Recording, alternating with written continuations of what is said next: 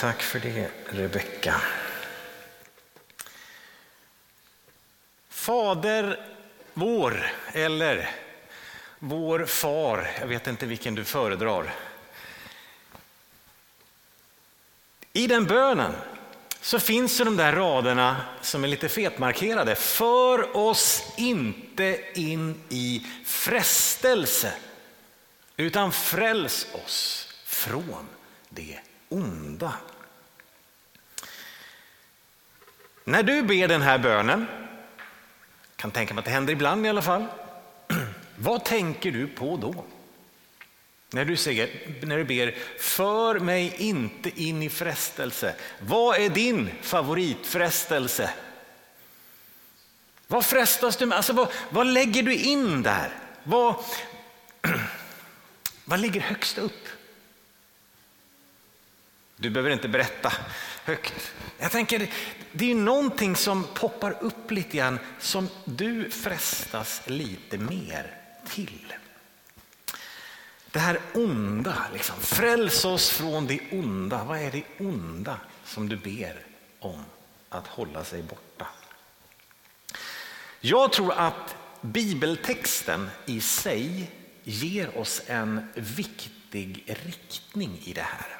Den här är ju plockad ifrån eh, Matteus 6 eh, ur ett sammanhang och så har man lagt till de sista raderna här. Ditt är riket, din är makten och äran. Det står ju inte i bibeltexten utan den fortsätter ju på ett annat sätt.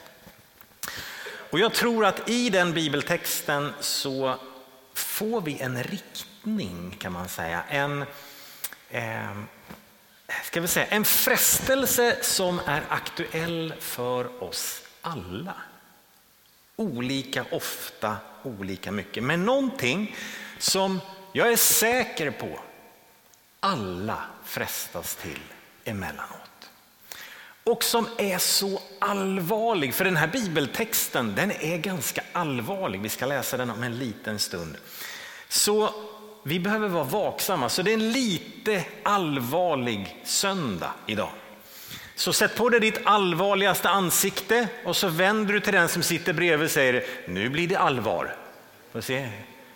Lite grann så, ja precis, nu blir det allvar. Eh, för det är det. Det blir lite, det är en allvarlig text vi ska läsa. En lite svår text. Vi kommer ur påskens starka och vackra drama när Jesus ger sitt liv och uppstår till nytt liv igen. Och vi fortsätter lite, vi hänger kvar i det som är påskens centrum, nämligen förlåtelsen. Och vi läser bibeltexten från Matteus 6, det är ju mitt i Jesu bergspredikan. Jag hoppar in lite då mitt i vår Fader, vår bön. Ge oss idag vårt dagliga bröd och förlåt oss våra skulder så som och vi förlåter dem som står i skuld till oss. För oss inte in i frestelse utan fräls oss ifrån det onda. Och så fortsätter bibeltexten. För om ni förlåter människorna deras överträdelser ska er himmelske far också förlåta er. Men om ni inte förlåter människorna ska inte heller er far förlåta era överträdelser. I styckena innan så har Jesus talat om öga för öga, att inte följa den principen längre, att inte ge igen med samma mynt. Han har talat om att älska sina fiender, att inte bara älska dem som är snälla och goda mot mig. Då säger Jesus till sina lärjungar, om ni bara älskar dem som är goda mot er, vad gör ni för, liksom, det är väl inget stort, utan älska dem som förföljer er istället. Och sen så talar han här om frestelser. Prövning, utsätt oss inte för prövning kan det också översättas. Och jag tänker så här, att när det står om frestelser och prövning i den här texten så handlar det inte bara om att eh, frosseriet över påsk. Är det någon som käkar för mycket godis i påsk? två stycken. Äh, nu ljög ni allihopa här. Då har vi en synd till att lägga till listan. Ja, men det handlar inte bara om någon slags käka onyttigt eller om det är liksom fuska med deklarationen som ska vara inne snart eller eh, otrohet eller förtal. Alltså det är inte bara de här grejerna som vi listar som jag vet inte vad som var din favoritfrestelse eller favoritsynd. Det är inte fel att be om beskydd mot dessa frestelser. Inte alls. Gör det ofta och mycket om du behöver. Men en stor frestelse som jag läser in här, som jag tror liksom är en viktig del av den här texten, handlar om oförlåtelsens frestelse.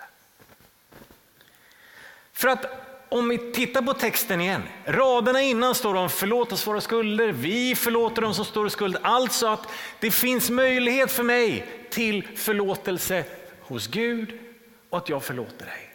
Och så kommer en onämnd frestelse, prövning. Och så kommer igen förlåtelse, förlåtelse, förlåtelse. Tänker jag så här, kan det vara så att det är förlåtelsetema även på frestelsen?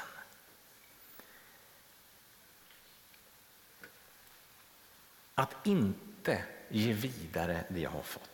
Som sagt, det är inte fel att be om beskydd mot andra frestelser. Gör det. Men kan det vara så att det här handlar, åtminstone delvis, om en frestelse som vi alla utsätts för emellanåt. Nämligen att inte förlåta. Att det är det som vi behöver be om beskydd mot.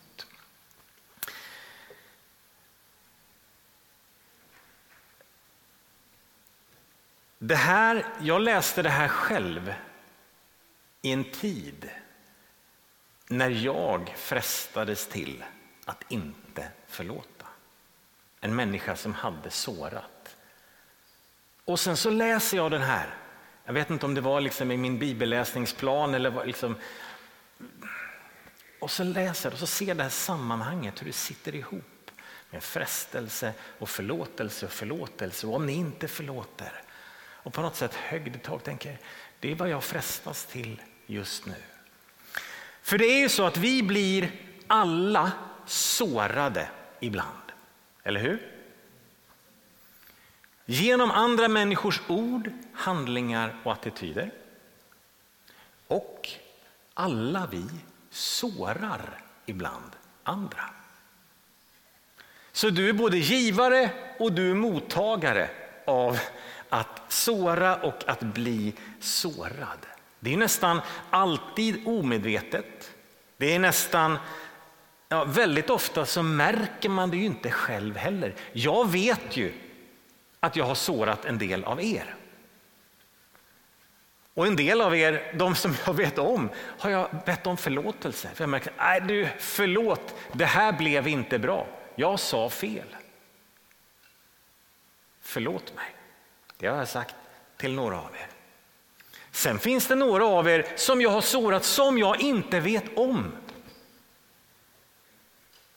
Det är omedvetet, jag lovar. Det är inte liksom min plan att gå runt och såra människor.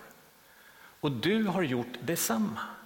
Du har sårat människor, men du gör det inte medvetet. liksom. Utan vi sårar varandra genom ord, handling, attityd och vi blir sårade. Men trots att det är omedvetet. Niklas säger någonting till mig. Han kläcker ur sig någonting. Bara, och jag fattar att han menade ju inte. Han är ju ingen elak människa, Niklas. Nej, det är du inte.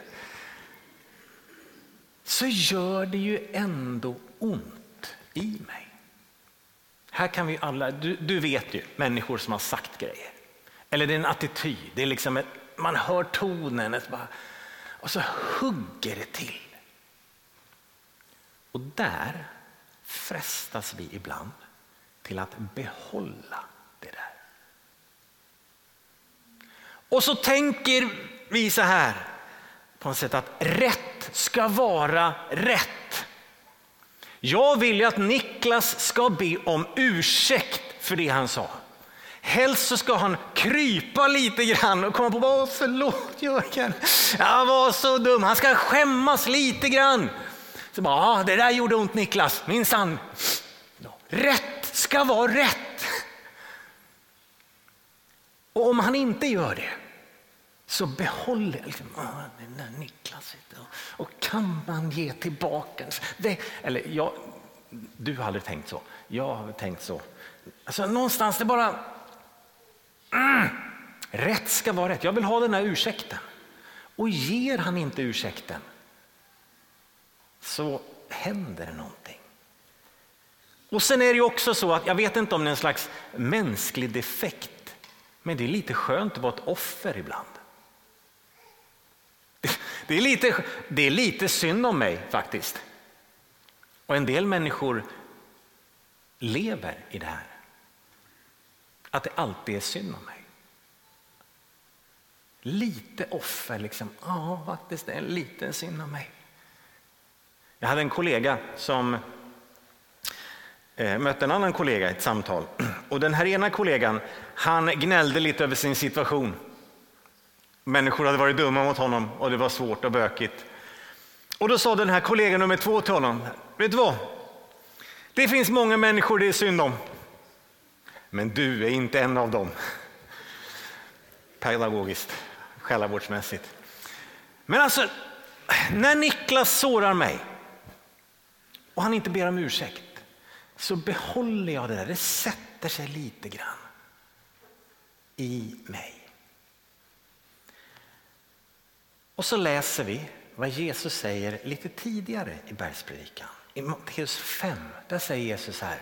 Ni har hört att det är sagt öga för öga, tand för tand. Alltså, rätt ska vara rätt. Det här är ju principen i hela gamla testamentet och i alla de liksom strafflagar som var så handlade det ju inte om att man skulle, om jag råkade peta ut ögat på Rebecka så fick hon peta ut ögat på mig. Det var inte så det funkade utan att det skulle vara proportionellt hela tiden. Rätt ska vara rätt. Liksom. Min, min oförrätt mot dig, liksom straffet ska vara proportionellt. Men liksom för rätt ska vara rätt. Ja, men då kommer den här jobbiga Jesus. Men jag säger er. Och så kommer raderna om vänd andra kinden till. Älska era fiender. Och bönen Fader vår som följer det här som säger förlåt de som står i skuld till dig. Om vi har hela påskens drama i ryggen. Getsemane trädgård, den där jobbiga torsdagskvällen när det är som att Jesus får uppleva hur världens synd läggs på honom, oskyldig. Och han säger ändå, far, det här är jobbigt, det här gör ont. Jag vill inte det här, men ske din vilja. Det var inte rätt ska vara rätt, utan jag, okay, jag tar på mig det här. Skillnaden mot lärjungarna, som, vad gör de? Jo, när hopen kommer in i trädgården, de drar svärd och säger vi har rätt att försvara oss. Rätt ska vara rätt. De attackerar, vi slår tillbaka. En av dem hugger av örat på en av dem som kommer inspringande där i trädgården. Alltså jag har rätt att försvara och ge tillbaka. Och så säger Jesus till dem, hörni grabbar, tror ni inte att jag skulle kunna be far i himmelen om en legion av änglar som kommer och försvarar min rätt. Lägg ner svärden. Det här är inte rätt väg. Och så dagen efter på korset. Han hänger där så hade han kunnat säga till dem som spikar fast honom, ni har gjort fel. Be om förlåtelse. Förstår ni inte? Och så säger han, vadå? Far, straffa dem. Nej, han säger far, förlåt dem. De vet inte vad de gör. Alla här inne har vi blivit sårade av andra. Rätt ska vara rätt. Håller jag kvar det eller vad gör jag av det?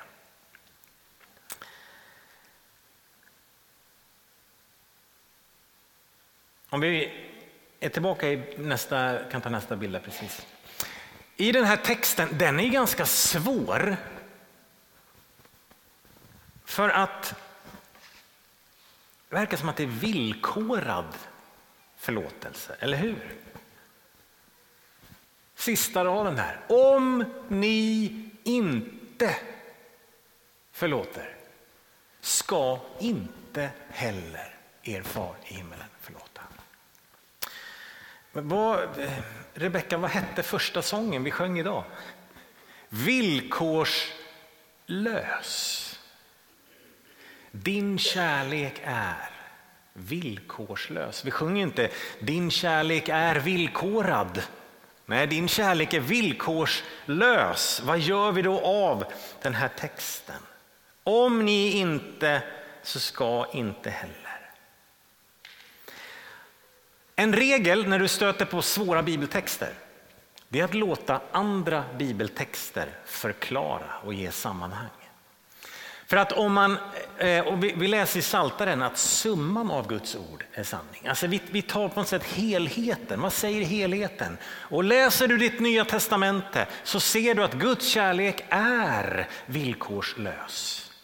Din frälsning kan du inte bidra till utan det är någonting du tar emot ifrån honom. Ja, men vad gör vi då av det här? Vad betyder det? Ja, jag tror inte att det kan betyda att om eh, jag är frälst ena dagen och så kommer då elake Niklas och sårar mig dagen efter och jag förlåter inte honom, då tappar jag min frälsning. Och sen så nästa dag så kan jag bli frälst igen och så tappar jag den dagen efter för att då sa han något dumt igen och jag höll kvar. Alltså det funkar ju inte. Så att, nej, jag tror inte att man tappar frälsningen. Men vad betyder det? Det betyder för det första att det är väldigt allvarligt att inte förlåta.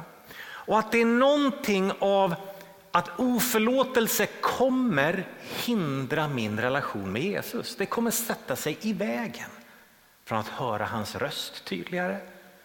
Jag kommer inte leva i hans frid och glädje och frihet på samma sätt. Min bön kommer nog kännas lite halvkrystad för jag vet att det här ligger hela tiden bakom och skvalpar. Så det kommer att begränsa, det kommer att påverka min relation med Jesus på ett negativt sätt. Att jag ställer mig själv lite utanför frihetens rum. Och i den här bönen, fräls oss från det onda. Kan också översättas och görs ibland att fräls oss från den onde. Och det, båda liksom verkar vara lika korrekta. Och det är inte så märkligt för att det onda kommer från den onde. Och om det är då så att den här frestelsen handlar lite grann om förlåtelse och oförlåtelse. Och oförlåtelse för oss in i vad då? Oförlåtelse för dig in i bundenhet. Oförlåtelse för dig in i splittring. För det kommer skapa en distans mellan mig och Niklas. Och då är det inte så svårt att se att den onde är i farten. För den onde vill splittring, den onde vill distans, den onde vill binda människor och jag binder mig när jag inte förlåter. Och sagt, jag, jag binder mig själv i detta. Eh, Paulus skriver några rader till församlingen i Korint vid ett tillfälle. Församlingen i Korint ligger varmt på Paulus hjärta. Han grundade den och var där en längre tid. Och sen är det en person som har ställt till det för församlingen som helhet med sitt, med sitt beteende. Så det här är liksom en öppen grej, alla känner till det och därför kan Paulus skriva om det. Om den här personen som har orsakat det här. Och då skriver han så här i andra Korinthierbrevet.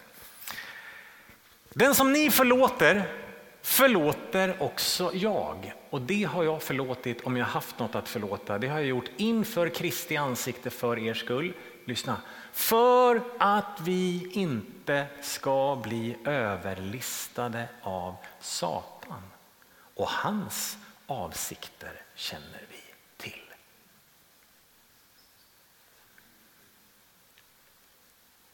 Fräls oss från det onda Fräls oss från den onde. Vad är hans avsikter? Jo, oförlåtelse leder till bundenhet hos mig som inte förlåter. Oförlåtelse leder till splittring, till distans till den som jag inte förlåter. Så att ja, den ondes avsikter är oförlåtelse. Och Paulus säger, vi lever i förlåtelse så att vi inte blir överlistade av honom. Därför så blir den här delen i Fader vår blir en viktig bön. Att Herre, när jag frestas till oförlåtelse, när någon gör mig illa, hjälp mig att förlåta så att jag inte går i fiendens fälla som leder till bundenhet och till splittring och distans.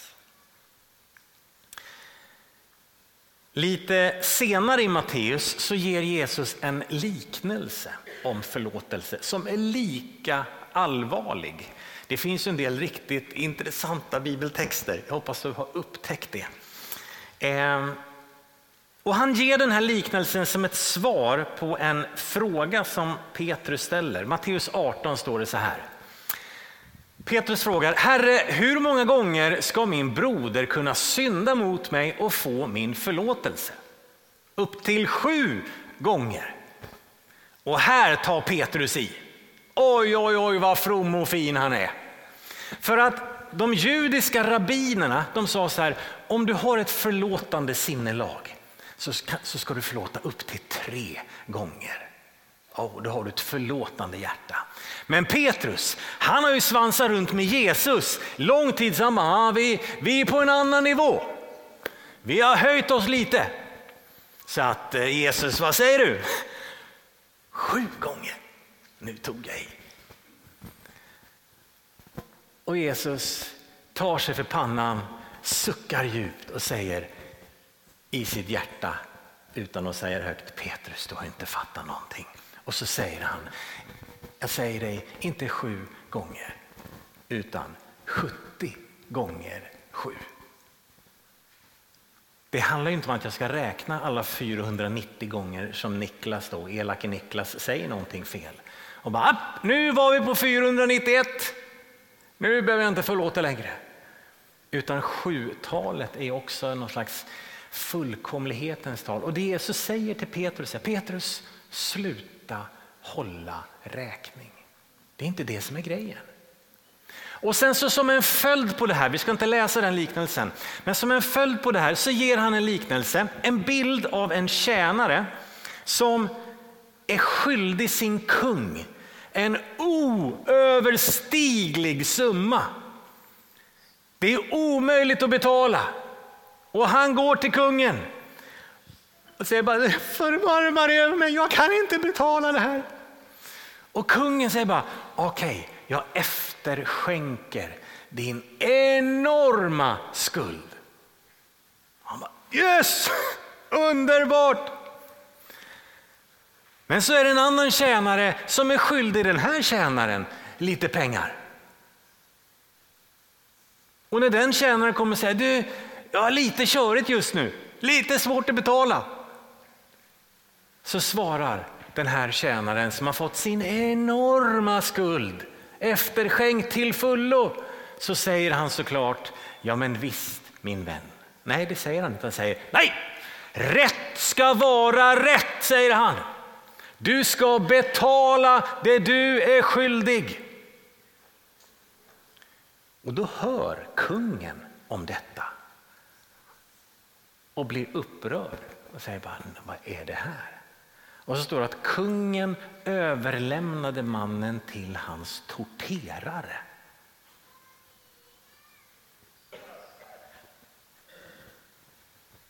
Bilden av oförlåtelse som en slags tortyr. Om du själv blivit gränslöst förlåten men väljer själv oförlåtelsens väg så hamnar du i ett slags fängelse som Jesus säger, det kommer att bli en slags tortyr. Oförlåtelse leder in i den här bundenheten, det leder in i bitterhetens mörka gränder. Det är någon som har sagt så att, att oförlåtelse, det är som att liksom, dricka en bägare gift och hoppas att den andra dör.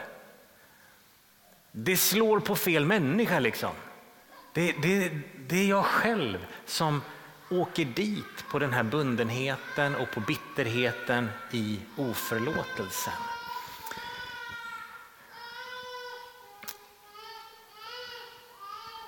Så därför blir bönen så viktig. Herre, när jag frestas, när någon gör mig illa, hjälp mig att förlåta så att jag inte går i fiendens fälla.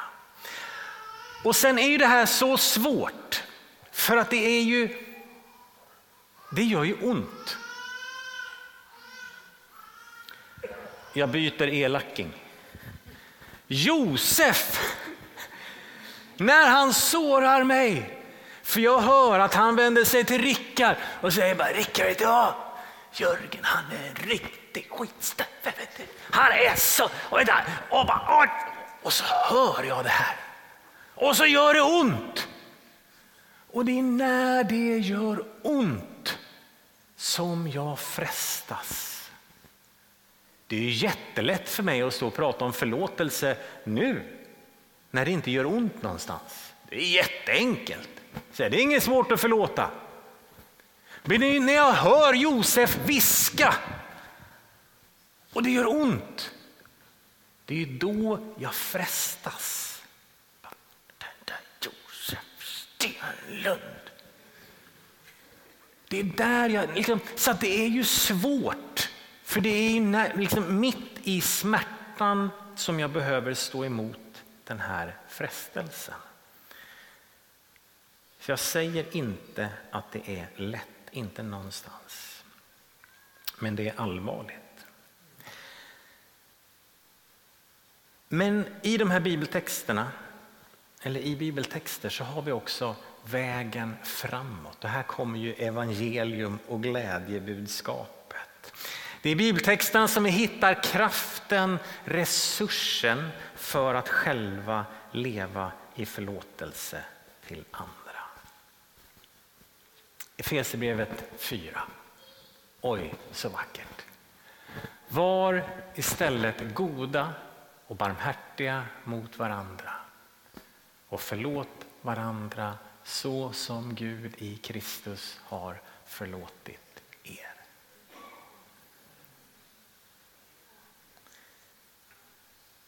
Var istället goda och barmhärtiga mot varandra och förlåt varandra så som Gud i Kristus har förlåtit er.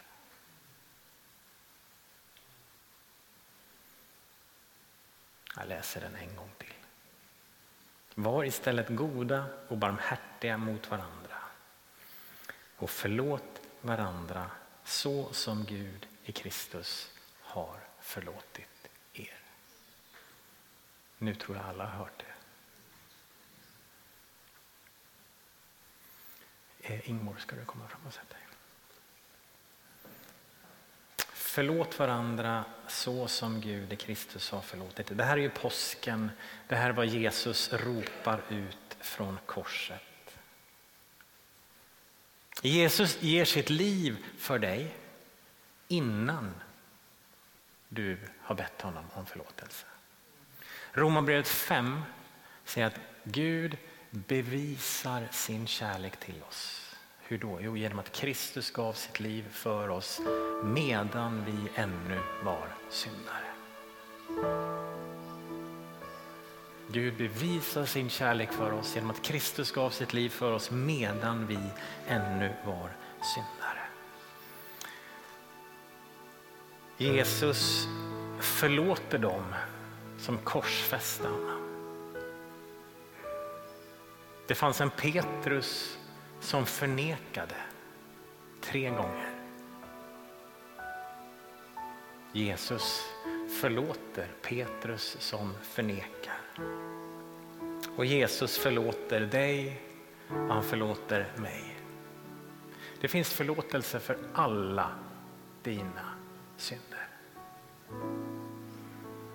Det finns förlåtelse för alla dina synder.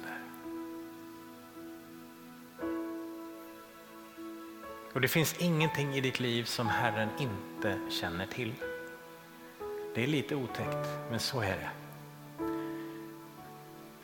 Du är så genomskådad, men du är också så genomälskad.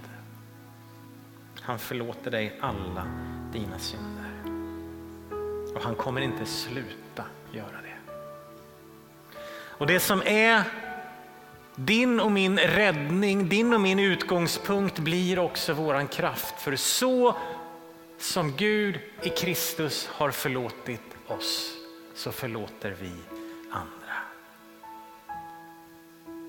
Och det är förlåta människor som blir förlåtande människor. Tänker det är därför som det finns en poäng med att fira gudstjänst tillsammans, att fira nattvard, att gång på gång påminnas om jag är faktiskt en förlåten människa. När du blir påmind om synd i ditt liv, vet du, det är jättebra. Är det skönt? Nej. Är det roligt? Nej. Men det är jättebra. För då bekänner jag det. Och så vet jag att jag blir förlåten.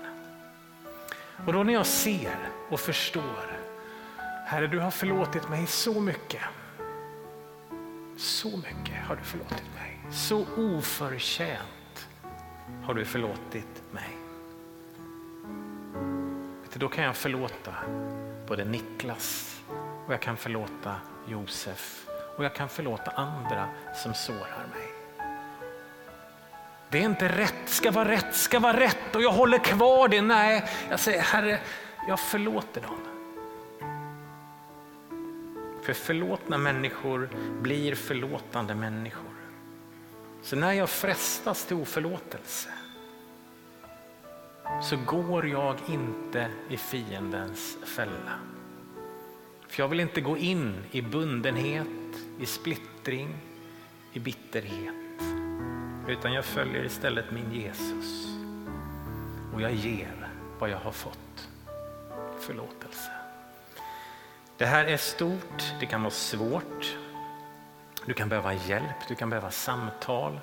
Får gärna kontakta oss pastorer eller vi har en själavårdsgrupp här i församlingen som gärna möter dig. Att du kan behöva bearbeta saker.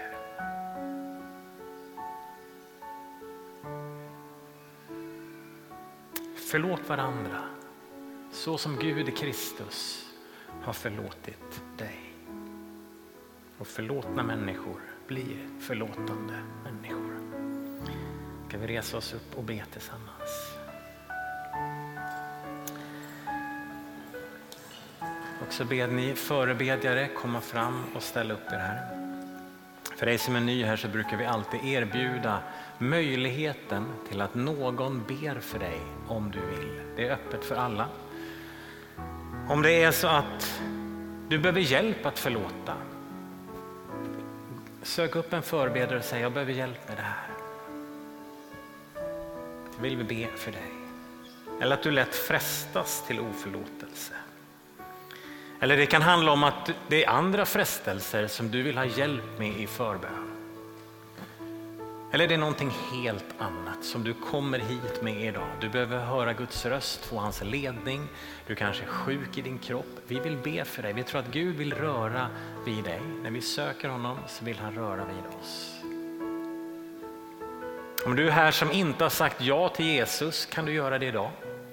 En enkel bön där du säger Jesus kom in i mitt liv, förlåt mig, jag behöver dig. Så öppnar han famnen för dig och du blir ett Guds barn. Kan du också gå fram till en förebedjare så ber vi tillsammans med dig. Herre, vi tackar dig. För att du på korset inte ropar ut att rätt ska vara rätt.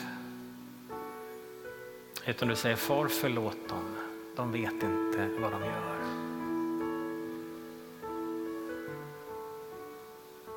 Och Herre, vi alla här inne vet med oss att vi har syndat. Herre, vi vet med oss att vi har sårat människor. Och Herre, alla vi här inne har också sårat andra människor. Och jag ber dig för gode far i himmelen, att det vi har fått ifrån dig, oförtjänt, obegränsad förlåtelse för alla våra synder. Herre, hjälp mig att se det för mitt eget liv. Så att det är vad jag ger vidare till andra människor som sårar mig. Jag ber dig Gud för människor som är här i lokalen just nu som brottas med bitterhet, som brottas med oförlåtelse. Där det sitter som en tagg på något sätt i hjärtat, i sinnet. Där det har gjort så ont. Det har gjort så ont och det är så svårt att släppa. Jag ber dig att du kommer med nåd över den människan just nu. Att du på något sätt gläntar på förlåtelsens dörr så att ljus kommer in i detta mörker. Att den personen får nå fram till att börja säga att Herre, jag, jag vill förlåta. Jag vill inte leva i bundenhet, jag vill inte leda, leva i splittring, i avstånd och i bitterhet, utan jag vill ge det jag har fått av dig. Så rör vi den människan just nu, Herre. Tack Gud att du hör vår bön, du hjälper oss på vår väg.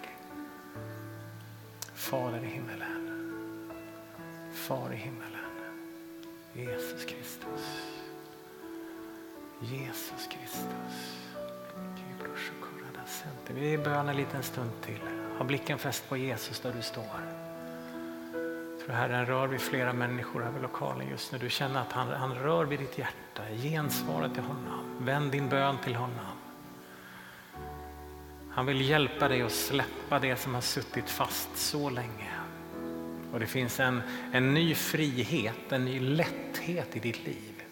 Där han lyfter av den här tunga bördan som du har burit på.